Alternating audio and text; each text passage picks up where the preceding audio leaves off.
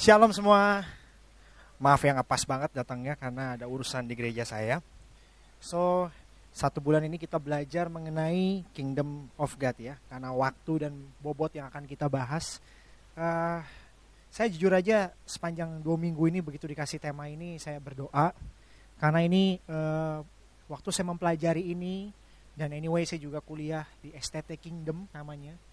Uh, ya saya memilih tempat kuliah itu karena jujur aja saya interested banget dengan yang namanya Kingdom of God dan jarang di Jakarta ada STT yang basisnya Kingdom gitu. Jadi saya pilih di situ. Dan jujur aja buat saya memang nggak gampang menyampaikan Kingdom of God gitu ya karena ini benar-benar nanti kita cari tahu kenapa.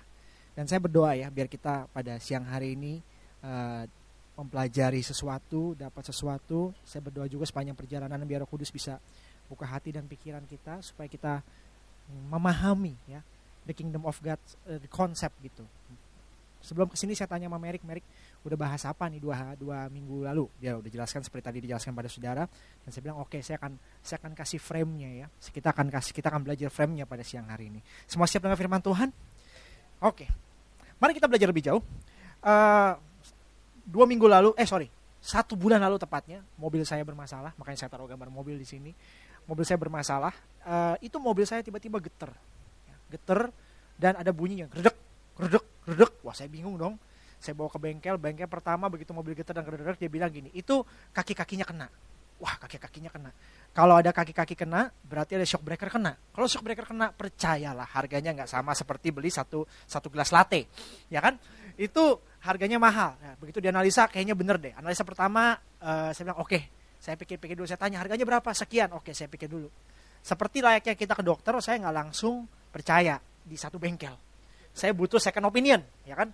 Saya coba cari bengkel, saya tanya-tanya teman saya, akhirnya dikasih alamat satu bengkel. Begitu sampai sana, dianalisa lagi.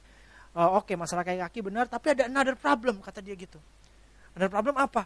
Ini engine mount, engine mountingnya kena nih, makanya mobil geter. Saya dari gak ngerti engine mounting sampai ngerti engine mounting itu apa buat dibawa dalam mobil itu. Dan kayak perlu memperhatikan banget banget, bener-bener banget banget semua hal mengenai kenapa sebuah mobil bergetar. Karena saya nggak mau ditipu. Semua bilang nggak mau ditipu. Karena saya tahu duit yang dikeluarkan itu pasti mayan. Ya kan, saya nggak mau ditipu. Saya browsing kenapa mobil bergetar segala macam. Terus saya bilang, oke okay deh, saya pikir-pikir lagi. Saya telepon istri saya, sayang kira-kira biaya begini. Oke di bengkel ini cukup murah, biaya kaki-kaki shock breaker. Di bengkel itu saya ganti shock breaker dulu. Saya ganti shock breaker dulu, beres. Terus saya bilang, oke, okay, nextnya coba pindah ke bengkel yang lain lagi. Cari opini ketiga apa opini ketiga ke bengkel kenalan temen, dikenalin, singkat cerita, dianalisa, ini geter-geternya pak, bukan engine mounting gitu. Oh ya, saya juga duga begitu, saya bilang gitu. Setelah saya, saya, saya sok ngerti gitu, karena udah baca ya kan. Gak saya rasa itu basing amnya, saya bilang gitu. Basing am itu ada karet-karetnya kan, betul kan pak, betul. Wow, dia pikir ini orang ngerti ini gitu ya kan. Terus saya bilang, ini yang masalahnya begini pak, dugaan saya pak. Wah, ini karet-karetnya ini loh, yang perlu kita pelajari. Coba Bapak lihat lagi, apakah itu ada retak atau enggak basing armnya kayaknya engine mounting nggak mungkin karena saya berasa gitar di belakang. Engine di depan saya bilang begitu logikanya. Wah oke deh dia bilang dia angkat dia bener pak kata bapak pak ini yang masih diganti. Tau nggak ganti itu ternyata begitu ganti itu nggak lewat dari satu juta. Cuma tiga ratus ribu. Udah nggak bergetar lagi tuh mobil saya sekarang tuh. Coba kalau saya nggak pelajari dengan benar nggak analisa dengan benar dan si bapak ini juga ngomong ini saya lihat kaki-kaki shock breaker baru ganti ya pak. Iya sebenarnya pak nggak perlu. Hah? Nggak perlu saya bilang gitu Soalnya apa ya masalahnya nih hanya sekedar karet ini aja mobilnya bergetar gitu. Tapi ya udah terlanjur bayar shock breaker ya hitung-hitung sekarang mobil saya lumayan. Mobil lama agak rasa baru dikit ya. Kalau kena lubang nggak geludak gitu ya. Blek empuk dikit lagi sekarang udah gitu ya. Karena udah ganti shock breakernya. Apa kenapa saya mulai dari sini? Karena begini. Kalau kita nggak paham sesuatu, keputusan kita salah semua. Kalau kita nggak ngerti sesuatu, kita bukan hanya nggak paham, keputusan salah, ditipu pula. Jadi dalam belajar Kingdom of God, saya berdoa sih benar-benar supaya kita dapat pemahaman yang tepat karena understanding ya sekali lagi akan membuat kita menimbang dengan tepat. Sama kayak saudara gini nih, kalau saudara dapat insight information dari dari mungkin saudara kenal Ibu Sri Mulyani, mungkin dia kan coba Ibu Sri Mulyani ngomong sama kita semua datang ke sini dia bilang saudara-saudara dalam waktu kurang lebih enam bulan dolar akan turun dua kali ya. Begitu turun yang pertama, beli ya. Nanti di akhir tahun dolar dari 12 ribu jadi 20 ribu. Kira-kira apa yang saudara kerjakan? Ini Sri Mulyani yang ngomong. Saya yakin pulang kita beli dolar. Begitu pulang kita beli dolar, Nanti begitu dolar turun pertama orang-orang panik kan. Waduh, dolar turun. Ini gimana ini? Jual cepet-cepet deh. Yang kedua turunnya lebih parah lagi. Orang lain di luar sana panik gak? Panik. Why? Karena kaget. Ini ada apa ini? Kenapa dolar makin turun nih? Udah deh kita jual aja daripada kita cut loss daripada dolar rugi semua. Sementara kita tenang-tenang aja. Karena kita udah tahu. Kita dapat insight. Kita paham. Kita nggak mudah ditipu. Dapat pemahaman. Oh, emang gue udah tahu. Cool lagi kita. Tidur tenang. Dolar bakal turun dua kali. Nanti Desember dia akan meroket jadi 20 ribu. And we get all the benefit. Dari pemahaman. Begitu pentingnya tuh understanding ya, dalam hidup kita. That's so much important mengenai yang namanya understanding. Jadi kalau kita paham hal tertentu, wah itu akan merubah begitu banyak. Nah kita belajar mengenai namanya kingdom of God. Semua bilang kingdom of God. Nah pada prinsipnya uh, Tuhan kita nggak intensinya nggak datang bawa agama. Nggak. Dia intensinya nggak datang bawa agama. Dia nggak datang bawa religion. Ya, religion itu ciptaan manusia. Kalau kita baca sejarah, manusia berusaha mencari Tuhan. Betul nggak? Dia nggak datang bawa religion. Dia datang bawa kingdom. Ya, dari mana kita tahu sekarang? Sekarang kalau kita ngomong kan mesti ada dasar Alkitabnya ya, apalagi ngomong soal Kingdom of God. This is serious matters, oke? Okay? Kingdom of God kita tahu dari mana? Di buatan dari sebelum kelahiran dia pun ke dunia, eh, Yesaya 9 ayat 6 udah ngomong. Sebab seorang anak telah lahir untuk kita. Ini kan ayat-ayat Natal ya kan? Seorang putra telah diberikan oleh kita. Penasehat ajaib, Allah yang perkasa, Bapa yang kekal, Raja damai. Tapi ini nggak disinggung Oh ada, ada, ada ya. Lambang pemerintahan ada di atas bahunya, betul ya? Jadi memang dari dulu sudah dikasih tahu bahwa ada government di sini. Ada lambang pemerintahan ya. Ada di atas bahunya. Dan akhirnya ditutup dengan dia adalah raja damai. Jadi Tuhan itu nggak datang bawa religion, dia datang bawa kingdom. Dipertegas lagi ya. Dipertegas lagi prioritas Yesus adalah di dalam kehidupannya, Matius 4 ayat 23, Yesus pun berkeliling di seluruh Galilea, Galilea. Ia mengajar dalam rumah-rumah ibadat dan memberitakan Injil kerajaan Allah.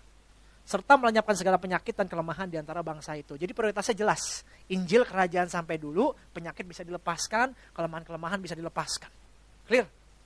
Yang kedua, berikutnya, begitu dia bangkit pun, ya kan, kepada mereka ia menunjukkan dirinya setelah penderitaannya selesai artinya dia sudah bangkit dengan banyak tanda dia membuktikan bahwa dia hidup sebab selama 40 hari dia berulang-ulang menampakkan diri dan berbicara kepada mereka tentang kerajaan Allah. Ini penting. Sebelum Yesus disalib dia ngomong terus kerajaan Allah. Bahkan saudara udah belajar ya beberapa prinsip dalam kerajaan Allah, ya kan? Karena di mana pun Yesus pergi dia bilang harta kerajaan Allah seperti, harta kerajaan Allah seperti dan seterusnya. Dan setelah dia bangkit dari kubur, bangkit dari penyalipannya, dia juga mengajar tentang kerajaan Allah. Jadi sampai sini kita ngerti ya. Jadi benar, Yesus datang nggak bawa religion. Dari dibuatkan ada lambang pemerintahan. Begitu dia datang, dia memberitakan kerajaan Allah. Dia meninggal, dia bangkit, yang diomongin juga kerajaan Allah. Jadi Yesus datang membawa kerajaan. Ulangi bersama dengan saya. Tuhan kita datang bukan bawa agama, tapi bawa kerajaan. Mungkin saudara shock dikit ya, ya ampun. Gitu ya? Iya. ya. Jadi Tuhan gak datang bawa agama, dia datang bawa kerajaan. Oke, sekarang apa itu kerajaan? Yang kita perlu tahu sekarang. What is kingdom? Menurut di kuliah saya pun eh, kita belajar sama-sama. Menurut Miles Monroe, ini definisi yang menurut uh, kita dan menurut teman-teman para pengajar dosen-dosen pengajar juga definisi yang paling bagus what is kingdom ya? Kalau saudara tertarik dengan kingdom kingdoman kingdom kingdoman tertarik dengan kingdom saudara coba belajar dari Miles Monroe banyak ya? Dia tulis buku bagus-bagus soal kingdom. Itu akan membuka wawasan kita lebih luas. Jadi kingdom is dalam bahasa Inggris lebih enak ya governing influence of a king ya over its territory impacting it with his personal will purpose and intent producing a culture, value, moral, and lifestyle that reflects the king's desire and nature for his citizen. Waduh, sedap. Ya, kalau saudara mau cari di internet ada definisi kingdom menurut Miles Munro. Uh, kalau ditanya apa sih definisi kingdom? Ya ini. Jadi kingdom adalah ya kan apa sih kingdom God, kingdom of God? Uh, kingdom sendiri punya pengertian tuh kayak gini. Ya. Governing influence of a king. Jadi ada ada raja yang ingin menginfluence satu teritori, satu daerah ya. Dengan personalitinya dia, dengan keinginan dia, personal willnya dia, dia mau ngapain dengan daerah itu, cuma raja itu yang tahu. Tujuan dia dengan secara intensi dan menghasilkan budaya, value, moral, dan lifestyle yang merefleksikan kerajaan tersebut. Ya. Dan secara nature dia pengen juga rakyatnya mengalami seperti apa yang dia alami dalam kerajaan. Dan bukan kebetulan, uh, ini kingdom dunia ya, bukan kebetulan Alkitab mengajarkan dengan tadi kita udah baca Alkitab mengajarkan bahwa kingdom merupakan bentuk pemerintahan Tuhan. Bukan republik atau demokrasi, enggak. Kingdom merupakan bentuk pemerintahan Tuhan dan bukan republik dan juga bukan demokrasi. Mungkin ini menurut beberapa scholars ya, ya mereka percaya begini nih. Kedatangan Yesus kenapa harus di zaman kerajaan Romawi? Kekaisaran Romawi. Untuk memudahkan kita ngerti yang namanya kingdom Yesus bicarakan tentang uh, Yesus mau bicara tentang kerajaan. Dia pilih timing yang pas dia datang di masa di mana di zaman itu ada kerajaan yang begitu besar, ya, Imperium Roma namanya. Ya. Dia datang di zaman itu untuk memudahkan kita ngerti namanya konsep kerajaan itu. Jadi kalau saya ngomong kerajaan ada referensi-referensi dari dunia, bukan berarti Alkitab didefinisikan dunia, bukan. Tapi Yesus sedang berusaha nyambung dengan kita pada waktu dia ngomong kerajaan. Begitu dia name it kingdom, orang-orang di zaman itu nggak kaget. Karena orang-orang di zaman itu sudah hidup di kerajaan Romawi. Betul nggak? Jadi itu benar-benar konsep kerajaan itu bagus. Nah, seperti yang dunia ajarkan kepada kita, ada beberapa hal penting ya tentang kingdom yang kita perlu tahu. Sebelum nanti saya ngomong lebih jauh dan kita dapat gambaran lebih uh, bagus gitu. Sampai sini saya kecepatan nggak? Soalnya uh, kayaknya nanti banyak yang disampaikan. Oke, sampai sini clear ya? Oke, saya lanjutkan ya komponen kerajaan sekarang. Untuk kita ngerti kingdom, kita mesti tahu beberapa komponen kerajaan. Yang pertama, harus ada rajanya. Iya dong. Namanya juga kingdom, harus ada rajanya. Bahkan the king adalah elemen utama, ya. There will be no kingdom if there is no king. Clear? Gak mungkin ada kerajaan kalau nggak ada rajanya. Ya. Yang kedua, having territory. Tidak mungkin ada kerajaan kalau nggak ada daerahnya. Gak mungkin ada kerajaan kalau nggak ada daerahnya. Kalau dalam kerajaan fisik ya, itu daerah fisiknya dia harus punya dong. Orang nanya kerajaan lu di mana? Gue raja. Terus rajanya di mana? Yang nggak ada daerahnya. ya gimana? Terus ada kerajaan ada daerahnya. Ya. Kalau saudara mau belajar lebih jauh mengenai kerajaan menarik gitu ya, saudara nonton GOT. Nah, kurang lebih begitu tuh. Urusan kerajaan-kerajaan tuh. ya kan? Ya, keren kan?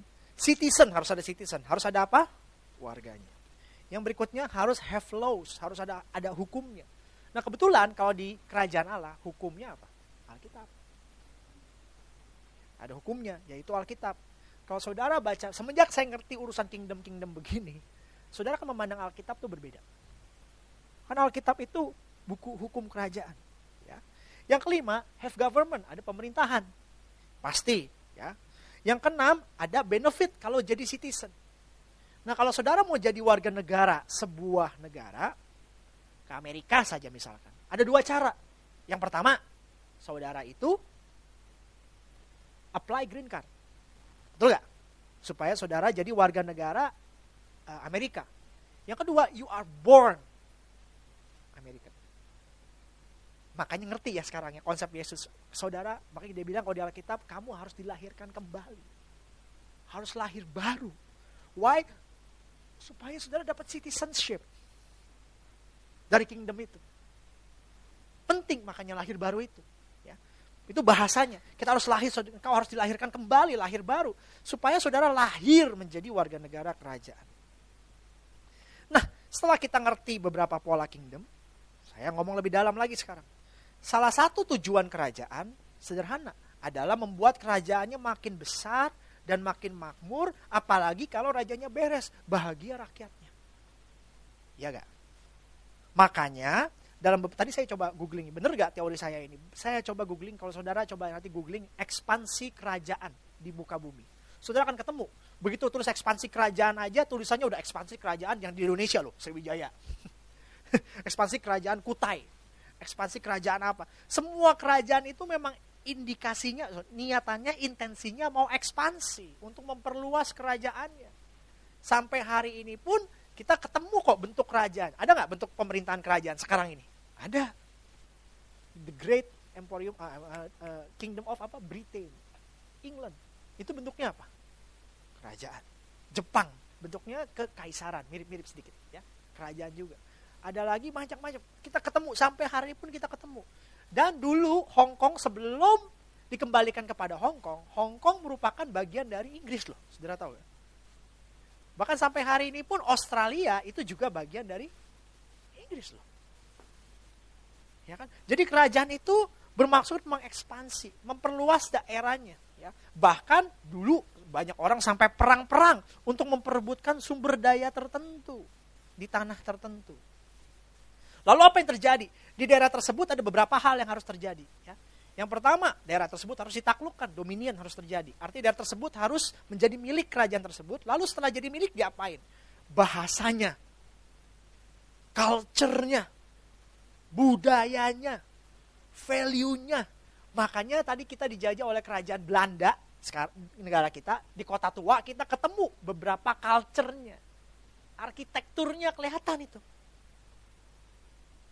Ngerti ya? Makanya kalau saudara ke Hong Kong, kok orang-orang Cina, biasanya orang Cina mah mungkin sarapannya apa ya? Kok bisa ada English breakfast di sana? Ada English tea breakfast. Dan mereka nyetir di kiri. Saya lagi perhatiin, soalnya kalau lagi negara orang, saya lihatin. Ini kok nyetir di kiri ya? Kita nyetir di kanan. Terus ada yang bilang, ya karena mereka jajahan Inggris. Karena Inggris semuanya nyetir di kiri. Bukan di kanan. Masuk akal juga saya bilang. Boleh juga, masuk akal juga. Kenapa kita nyetir di kanan? Apa mungkin kita kebanyakan tangan kanan? Ya nggak nggak make sense ya kan? Ya anyway, pokoknya mereka mau apa? Bangunan, arsitektur, makanan, bahkan ekonomi kalau bisa pun dipengaruhi itu. Makanya kalau saudara tahu di Australia ada bank namanya Commonwealth. Commonwealth, harta bersama loh. Ada pembagian ke kesejahteraan antara uh, anggota-anggota kerajaan. Sampai sampai situ kita dapat gambaran nggak tentang uh, kerajaan. Sekarang kita masuk ke Alkitabnya. Saya gambarin dulu tadi, sekarang kita masuk Alkitabnya. Kalau buat saya sekarang, basically Alkitab itu a book about a kingdom, a king, and his royal family. Itu gambaran besarnya. Alkitab itu book about a kingdom, a king rajanya, and its royal family. Kenapa saya ngomong gitu? Perhatikan dengan baik. Sekarang tuh Alkitab jadi terang buat buat saya dan saya berharap Alkitab juga jadi terang buat saudara. Perhatikan ini baik-baik ya. ya.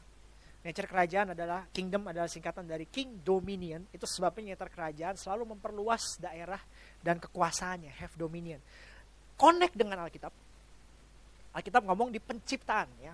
Kalau saudara kayak gini, kita mau tak gimana menjelaskannya? Ya? uh, mama saya kemarin contohnya ribut. Kenapa handphonenya? Dia kan lagi mau dagang uh, cookies ya. Cookies mama saya enak by the way. Harusnya saya bagi-bagi ya ke sini ya. Cookies mama saya, dia lagi mau dagang cookies. Saya bilang, mami nggak perlu punya toko sekarang. Toko mami adalah Instagram. Caranya simple. Foto Instagram itu yang bagus. Nanti mami tinggal masukin, ntar Andre bantuin lah. Terus dia bilang, tapi handphone mami kenapa nggak bisa ya? Handphone mami ini mereknya gini-gini. Kok handphonenya nggak bisa kayak handphone kamu? Harusnya bisa dong di foto blue ada blur-blurnya dikit, belakangnya gitu. Biar cakep, dia bilang gitu. Dia ngotot, ngototan, eh temenin mami servis. Saya bilang, mami tipe, tipe handphonenya apa? Saya bilang gitu. Ini gini-gini. Coba saya lihat manual booknya, manual booknya. Memang handphone itu tidak di-create. Untuk bisa foto kayak begitu. Wong pixelnya aja cuman 6 apa 8. Emang kurang canggih, udah mesti dilem biru itu. Kalau kita bingung terhadap sesuatu, maksud saya adalah kita lihat dulu dong awal penciptaannya tujuannya gimana, bener gak? Kalau kita mau ngerti iPad buat apa, kita mesti mundur lagi sedikit. Yang ada di dalam iPad ini apa, tujuan penciptaan iPad ini apa. Nah sekarang kita sebagai manusia, ini pertanyaan eksistensi manusia ya. Kenapa kita bisa berada di bumi ini? Kalau kita ngerti konsep kingdom ini, saya membuat saudara lebih terang pemahamannya, understandingnya sekarang. Karena bunyi firman Tuhan begini, berfirmanlah Allah, Baiklah kita menjadikan manusia menurut gambar dan rupa kita. Ya, supaya mereka berkuasa atas ikan-ikan di laut dan burung-burung di udara dan atas ternak di atas seluruh bumi dan atas segala binatang melata merayap di bumi. Maka Allah menciptakan manusia itu menurut gambarnya, menurut gambar Allah diciptakannya dia laki-laki dan perempuan, diciptakannya mereka. Allah memberkati mereka dan Allah berfirman kepada mereka, beranak cuculah, thanks God for that, amin. Bertambah banyak, penuhilah bumi dan taklukkanlah itu penuhi bumi dan taklukkanlah itu, berkuasalah atas ikan-ikan di laut dan burung-burung di udara dan di atas segala binatang merayap di bumi. Ini bahasa Indonesia. Lebih serunya bahasa Inggris bilang begini. Genesis 1:26. Dan God said, "Let us make man in our image after our likeness and let them have." Ini bahasa apa dominion ini? Dominion ini bahasa kerajaan. Yang artinya, ya kan sekarang, yang artinya adalah dalam bahasa aslinya ternyata dominion ini bahasa aslinya adalah rada. Berkuasalah itu rada. Yang artinya have dominion, to rule. Yunaninya basilia atau basilea, sovereign, royal power. Jadi begitu manusia diciptakan, Tuhan membagi kuasa. Ya, perhatikan. Makanya saya bilang perhatikan, berkuasa. Tuhan sharing kekuasaannya. Kita berkuasa betul, tapi bukan maha kuasa. Karena yang maha kuasa, ya Tuhan aja. Kita nggak maha kuasa, tapi kita berkuasa. Ada kekuasaan. Amin. Jadi tujuan, simpelnya tujuan Tuhan di bumi adalah worship through human. Wah, ini baru kita ngerti lebih dalam. Earth, uh, earth nggak enak banget ya, earth, ya. mana sih bahasanya? Earth, waduh, pokoknya gitulah ya. Bumi itu teritori. Ingat, kingdom gak mungkin ada kalau nggak ada teritorinya. Bumi adalah teritori. Jadi gini, kenapa Tuhan ciptakan bumi dan dia kirim manusia untuk datang ke bumi? Simple, Tuhan lagi memperluas kerajaan Allah di muka bumi ini. Dia pengen sebenarnya tujuan Tuhan di bumi adalah Tuhan pengen punya rulers, uh, membuat manusia adalah Tuhan pengen punya rulership through human. Halo. That's the origin purpose of human.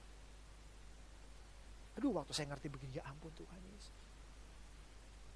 Berarti kita ini datang ke sini. Kita ini urusannya urusan kerajaan Tuhan. Ke sini kingdom of God. Nggak cuma sekedar hidup, sekedar ada. Nggak cuma sekedar lahir. Kita ini lagi memperluas kerajaan Allah. Amin. Nah ini kayak gini nih. Jadi sebenarnya kita ngerti sekarang.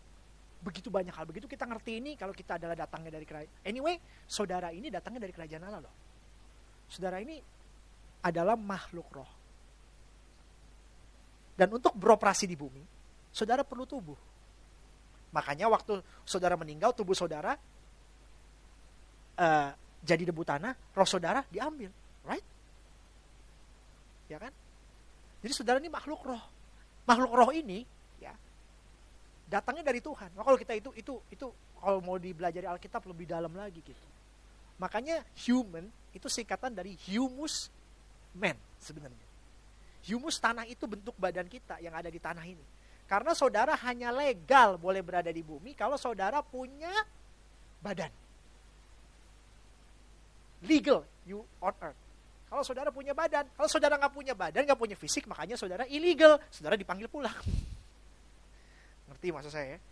Gimana caranya legal punya, bisa berada di bumi? Saudara harus punya badan. That's why Tuhan harus datang dalam bentuk manusia supaya dia legal beroperasi di bumi itu deep. Next lah ya. Next. Ya ini kita bahasin sampai sini dulu aja. Ini ini dalam. Jadi saudara, saudara, bumi itu teritori yang harus ditaklukkan. Dan tujuan Tuhan adalah mengirim saudara ke sini to have worship. Kalau saudara datangnya dari surga, sebenarnya harusnya dosa nggak berkuasa lagi dalam hidup saudara. Nyangkut semua ini udah. Kalau kita ngerti sekarang. Bahkan saudara mestinya bisa melakukan sesuatu lebih banyak. Karena saudara dan saya dipercaya begitu banyak teritori sebenarnya. Maksudnya begitu banyak teritori apa nih? Saya punya teritori di sini mengajar firman. Jangan coba-coba kalau saudara diutus ke sebuah negara sebagai duta besar, diutus sebuah negara, saudara diutus ke sebuah negara yang lebih banyak air lautnya mungkin, saudara akan diperlengkapi dengan kapal laut. Dikelengkapi dengan keahlian untuk beroperasi di daerah yang banyak maritimnya, betul nggak? Nah kalau kita dikasih teritori tertentu, ya bagian kita di situ. Teritori bukan dalam bentuk fisik, tapi ada ada ada daerah-daerah yang memang yang ranah yang dipercayakan pada kita untuk kita taklukkan. Firman Tuhan ngomong begitu.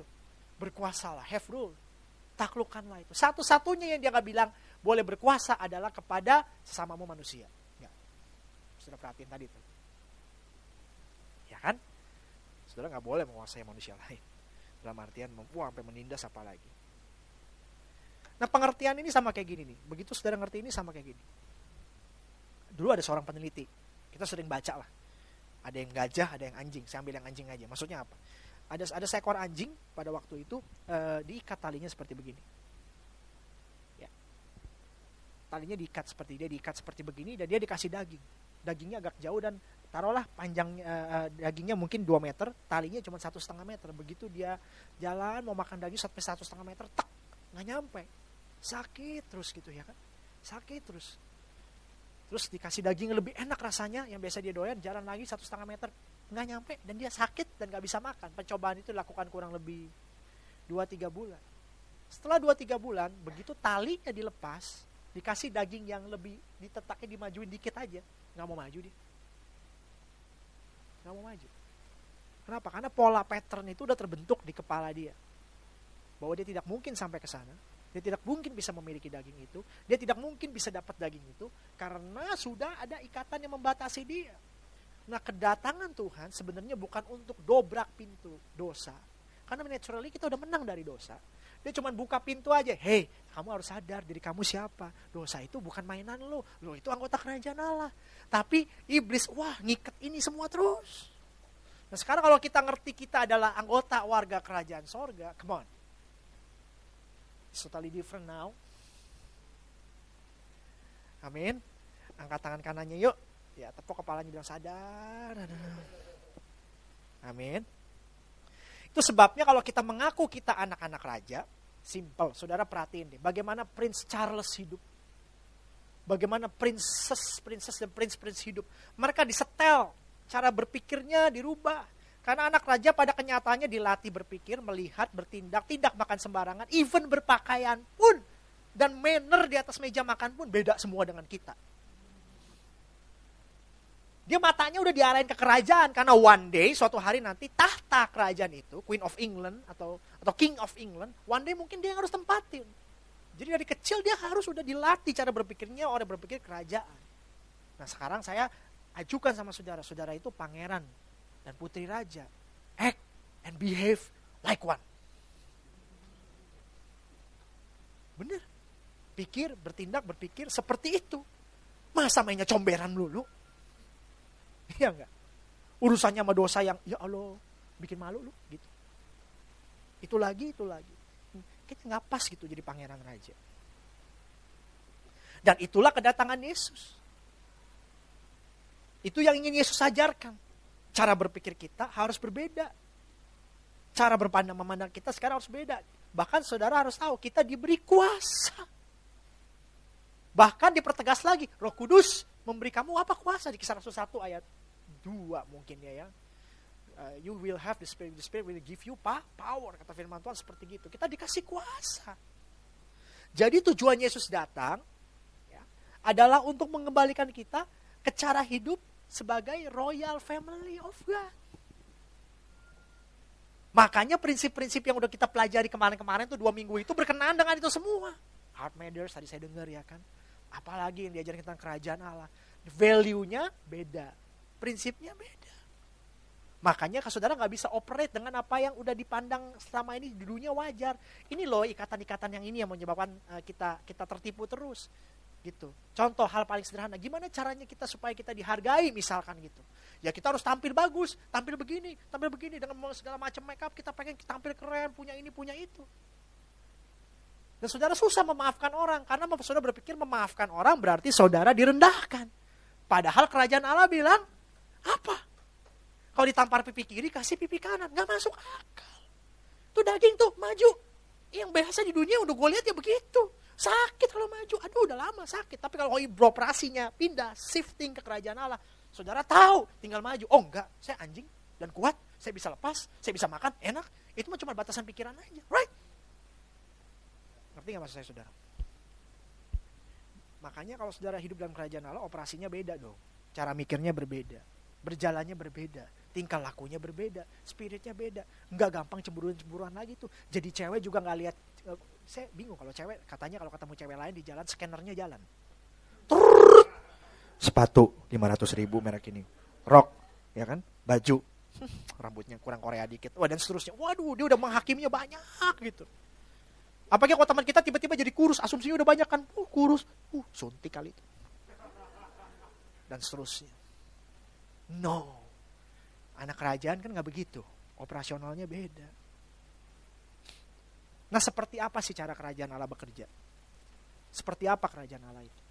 Yesus ngomong di Matius 13 ayat 31. Ya kita baca aja ya. Sampai sini dapat sedikit gambaran ya mengenai kerajaan karena ini pun saya ngajar di gereja saya 4, 4 session. Jadi ini uh, session pembukaan sedikit. Matius 13 ayat 31. Yang udah dapat bilang, mm -hmm. Coba dibaca kira-kira. Uh, bentar ya. Saya coba cek. Should be right. Oke. Okay. Saya bacakan ya. Baca. Kita baca deh. Satu, dua, tiga. Yesus membentangkan suatu perumpamaan lain lagi Matius 13 31 Yesus membentangkan suatu perumpamaan lain lagi kepada mereka katanya hal kerajaan sorga itu seumpama biji sesawi yang diambil dan ditaburkan orang di ladangnya memang biji itu yang paling kecil dari segala jenis benih tetapi apabila sudah tumbuh sesawi itu lebih besar daripada sayuran yang lain bahkan menjadi pohon sehingga burung-burung di udara datang bersarang pada cabang-cabangnya. Ayat ke-33 ya bunyinya juga sama dan ia menceritakan perumpamaan ini juga kepada mereka, artinya perumpamaan yang lain. Hal kerajaan sorga itu seumpama ragi yang diambil seorang perempuan dan diaduk dalam tepung terigu tiga sukat sampai kamil seluruhnya. Semuanya itu disampaikan Yesus kepada orang banyak dalam perumpamaan dan tanpa perumpamaan suatu pun tidak disampaikan kepada mereka. Supaya genaplah firman yang disampaikan para nabi, aku mau membuka mulutku mengatakan perumpamaan.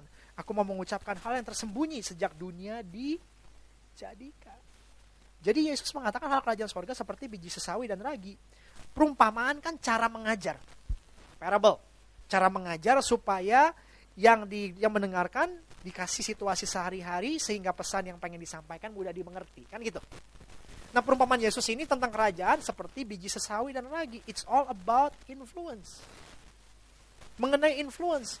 Kerajaan Allah kan dari awal kita belajar kerajaan kayak gitu, ya kan? To take dominion, to influence a territory. About bagaimana untuk kita memberikan influence. That's all about the kingdom. Saat dikatakan take dominion, artinya manusia harusnya influencing the earth. Ya kan? Take governing. Ya. Nah beda, kita seharusnya tugas kita menginfluence bumi ini. Beda, nih beda. Beda antara planet bumi, teritori dengan world, dunia, kosmos. Itu beda. Bahasa aslinya udah beda teritori itu bumi, karena bumi nggak bisa influence dirinya sendiri. Dia hanya teritori aja. Tapi di dalam bumi ternyata banyak dunia. Ada dunia-dunia di dalam bumi, ada world. Baru saya ngerti. Ya. Begitu kita baca doa Yesus yang terakhir, dia bilang apa? Bapak, aku tidak meminta engkau mengambil mengambil mereka dari dunia. Baca nggak itu doanya di Taman Getsemani itu sebelum jadi salib? Ya kan? Bapak aku nggak minta engkau mengambil mereka dari dunia maksudnya, tapi lindungilah mereka dari yang jahat. Bunyinya begitu. Jadi kalau orang Kristen kayaknya memisahkan diri dengan dunia, gak ngerti kingdom ini. Dia harus influence dunia. Dia harus influence the world. Harusnya pengaruh datangnya dari gereja. Dan saya kasih tahu tempat yang paling salah untuk dipengaruhi kita melakukan influence kita harusnya di mana? Tempat yang paling salah. Ada orang nanya sama saya, saya kalau kerja jadi jadi misalkan jadi jadi jadi uh, penjaga misalkan kasino gimana boleh gak? Wah anak Tuhan harusnya nggak boleh begitu ya. Sekarang saya bisa berani jawab, if just a job, take it. Karena your job to influence. Bukankah kita harus menginfluence di tempat yang paling gelap?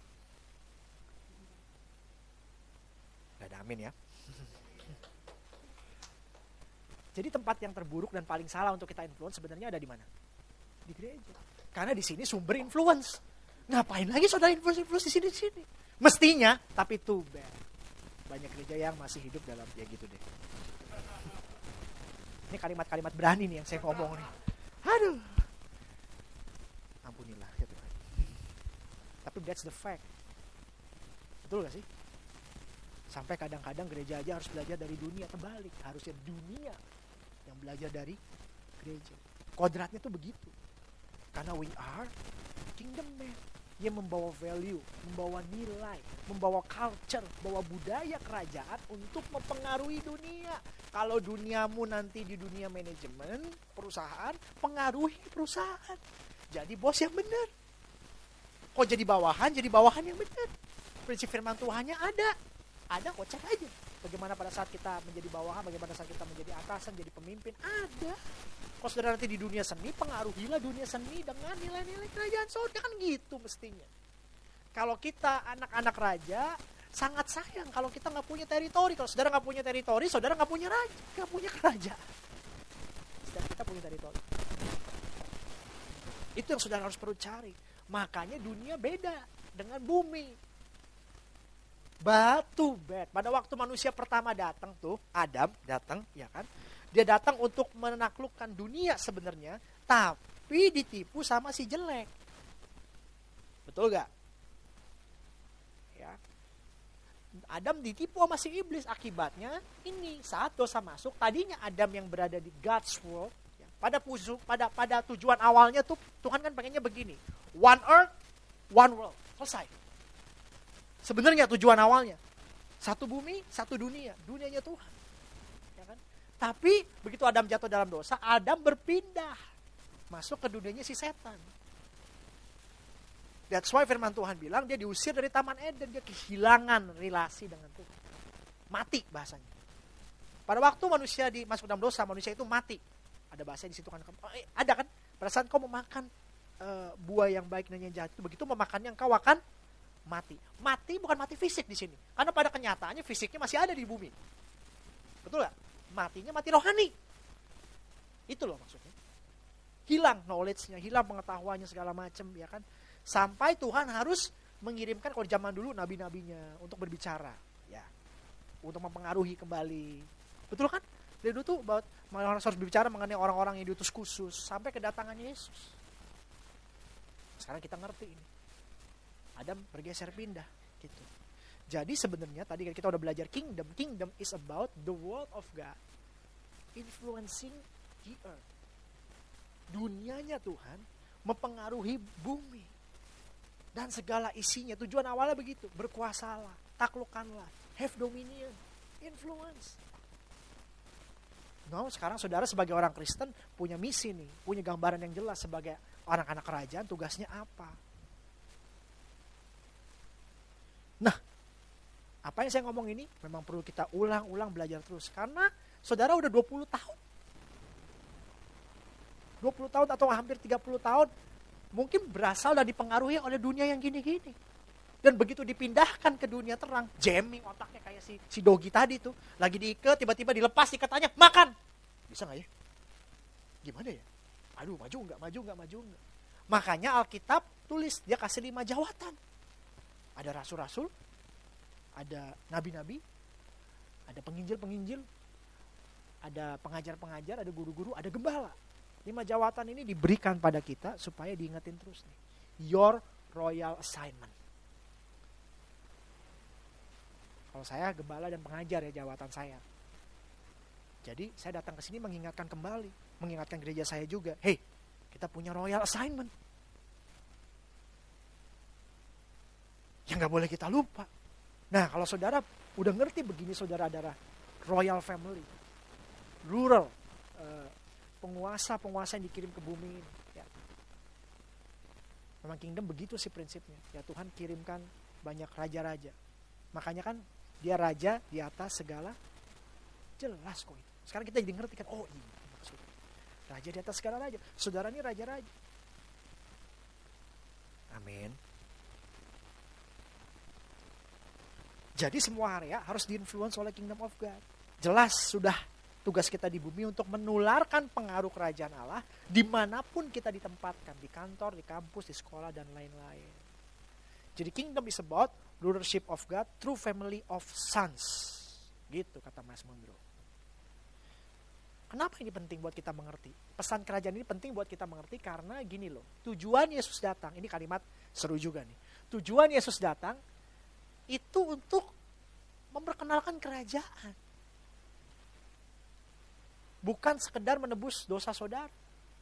Ada orang bilang kan, Yesus datang menebus dosa kita semua. Tujuan Yesus datang menebus dosa kita semua. Kurang lengkap menurut saya. The truth is, Yesus datang memperkenalkan kerajaan Allah dan dia pengen membawa kerajaan Allah dikembalikan haknya kepada saudara dan tapi untuk saudara bisa masuk ke dalam kerajaan Allah, saudara nggak bisa dalam kondisi berdosa. Betul gak?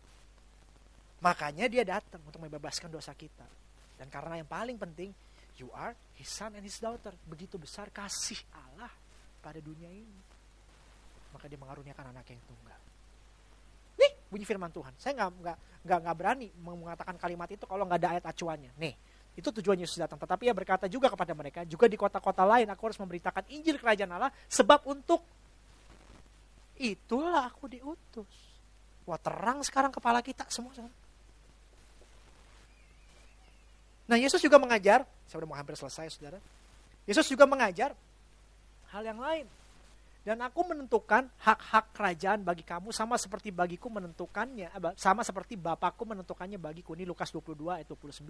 Ya. Saudara baca di rumah perikop di atasnya, kalau nggak salah lagi mempertanyakan siapa yang paling besar dalam kerajaan gitu loh. Nah Tuhan Yesus ngomong begini, bahasa Inggrisnya I confer on you on you a kingdom, just as my father confer one on me. Confer, selidik punya selidik bahasa aslinya adalah ambassador. Ambassador itu artinya apa? Duta besar. Kalau saudara ada di dalam sebuah negara, saudara mau yang mana? Duduk di parlemen, jadi kabinet, atau jadi presiden, atau jadi wakil negara. Presiden nggak mungkin ya, ini kan soal kita ngomong king lah ya. Mau duduk di dalam kabinetnya, atau mau jadi ambassador? Ini pertanyaan menarik sih. Kalau saudara duduk di kabinet, saudara jadi parlemen, saudara mewakili rakyat. Kalau saudara jadi ambassador, saudara mewakili kingdom. Aduh, saya baru begitu baca baru ngerti lebih dalam lagi. Ya ampun. Saudara nggak mewakili rakyat. Saudara dikata Tuhan, I confer on you a kingdom. Artinya saudara tuh harus jadi duta besar. Yang mewakili negara. Mewakili your kingdom. Amin. Keren banget kan. Kenapa saya ngomong ini semua dan kita ngomong ini semua satu bulan mengenai kerajaan Allah ini? Kenapa ini semua penting? Karena ini kepada setiap orang yang mendengar firman tentang kerajaan sorga, tetapi tidak mengertinya, datanglah si jahat dan merampas yang ditaburkan dalam hati orang Satu-satunya ayat di mana ada firman dirampas oleh si jahat. Bahasa aslinya ini bukan si jahat, ini bukan bukan setan biasa. Lucifer langsung kalau kita baca terjemahan dan terjemahan aslinya Sampai-sampai dia datang dan cepet-cepet ngambil benih firman itu supaya nggak bisa masuk dalam hati manusia adalah tentang pesan tentang apa? Kerajaan surga. That's how important it is. Itu begitu penting.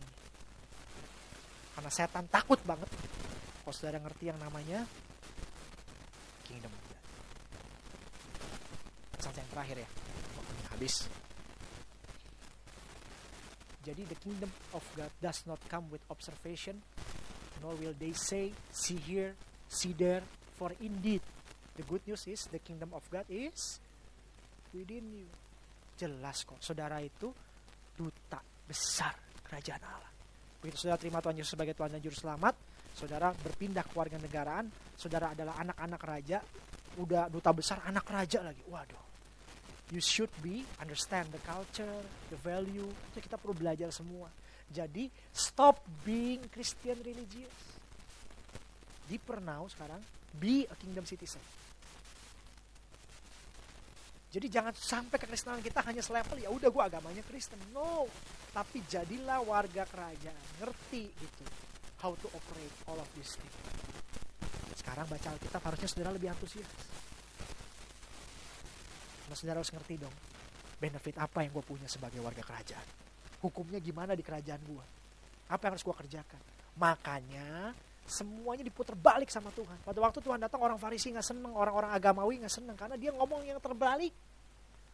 Pada waktu Tuhan ngomong, misalnya contohnya kayak gini, makanya ih, saya baru enggak nih. Makanya Tuhan ngomong Matius 6 ayat 33, carilah dahulu kerajaan Allah dan kebenarannya. Saudara seharusnya nggak perlu ngejar-ngejar yang lain. Yang saudara perlu kejar adalah kerajaan Allah dan kebenarannya. Maka semuanya akan ditambahkan kepadamu. seharusnya saudara nggak perlu ngejar uang terlalu berlebihan. Kalau saudara bergerak di ranah kerajaan, saudara have domain in your territory, money will after you. Trust me. Saudara bergerak di area saudara, saudara nggak perlu kejar uang sampai pontang panting gimana gimana. Uang akan kejar saudara. Itu hukum kerajaan. Makanya firman Tuhan bilang apa? Janganlah kamu khawatir akan apa yang kamu makan, minum, pakai. Tapi cari dahulu kerajaan Allah dan kebenarannya, maka semuanya akan ditambah. Amin. Beri tepuk tangan yang meriah buat Tuhan. Saudara pemain musik maju ke depan. Ini baru part one ya. Kalau di gereja saya ini baru bagian satu. Belum yang lain-lain lagi. Sampai sini saudara belajar sesuatu? I hope apa yang disampaikan uh, membuka pemahaman kita, understanding bahwa kita ini adalah anak-anak raja. Kita bangkit berdiri saudara.